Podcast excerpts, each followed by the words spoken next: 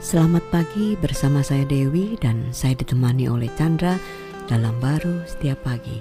Lukas 15 ayat 5. Dan kalau ia telah menemukannya, ia meletakkannya di atas bahunya dengan gembira. Ini kan seekor domba yang melenceng jalannya gitu kan. Akhirnya dia tersesat gitu. Tetapi gembalanya menemukannya dan dia sangat bersuka cita. Nah ini kan satu gambaran bahwa dalam hidup kita kadang kita membuat kesalahan atau mungkin kita di dalam satu uh, keadaan yang sangat terpuruk gitu kan uh, kita merasa bahwa kita sudah bersalah kita uh, merasa bahwa kita itu tidak lagi percaya ke Tuhan sehingga kita mengalami satu keadaan di mana wah kita ini akan dihukum Tuhan kita ini akan uh, dibiarkan Tuhan. Tapi ternyata nggak begitu ya bahkan uh, Tuhan itu mencari kita bukan membiarkan mencari kita menemukan terus kita itu dirangkul loh ditaruh di atas bahunya. Bayangin begitu mengasihinya Tuhan kepada kita kan? Iya sebenarnya sih eh, kehidupan kita bukan lagi kehidupan yang hilang ya. Kehidupan kita di dalam Kristus itu kehidupan yang sudah ditemukan. Hmm. kehidupan kita sudah di bawah uh, pelukan dia. Hmm. Uh, dia tidak yes. pernah meninggalkan dan membiarkan, bahkan sudah menyatu dengan dia. Cuma kesadaran kita ketika dapat masalah, uh, ketika ada uh, mendapat satu tekanan, uh, tekanan, kita berpikir di mana Tuhan, yeah. kenapa Tuhan, kenapa dibiarkan, kenapa dibiarkan.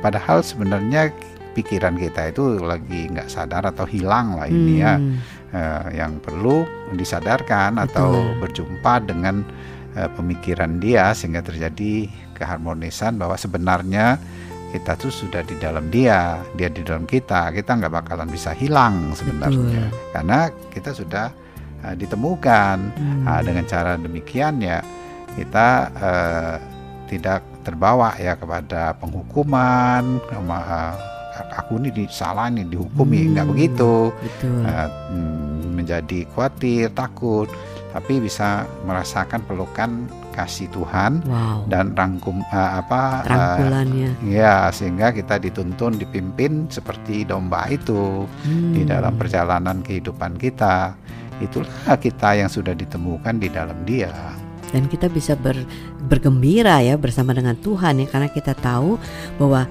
hidup kita itu tidak lagi dihukum Tuhan dengan perbuatan kita ya tapi bukan berarti Tuhan itu membiarkan kita atau uh, berkompromi dengan uh, apa kesalahan kita ya tapi sesalah-salahnya kita kita itu bisa melihat Tuhan pembenarannya jauh lebih bisa memulihkan kan dibandingkan dengan melihat hukuman Tuhan. Iya sebenarnya uh, Tuhan itu ingin uh, menemukan kita bukan untuk menghukum Hukum. kesalahan kita kan. Betul. Sebenarnya dia menemukan kita ini untuk memulihkan kita. Betul. Maka itu kita tidak lagi hidup di dalam kesalahan, tapi hidup kita dengan kehidupan Dia, perjumpaan hmm. kita dengan Dia. Maka itu terjadi wow. transformasi kehidupan sehingga kita bisa memiliki perjalanan kehidupan dia dengan kasihnya dia dengan sukacitanya. Amin. Amin.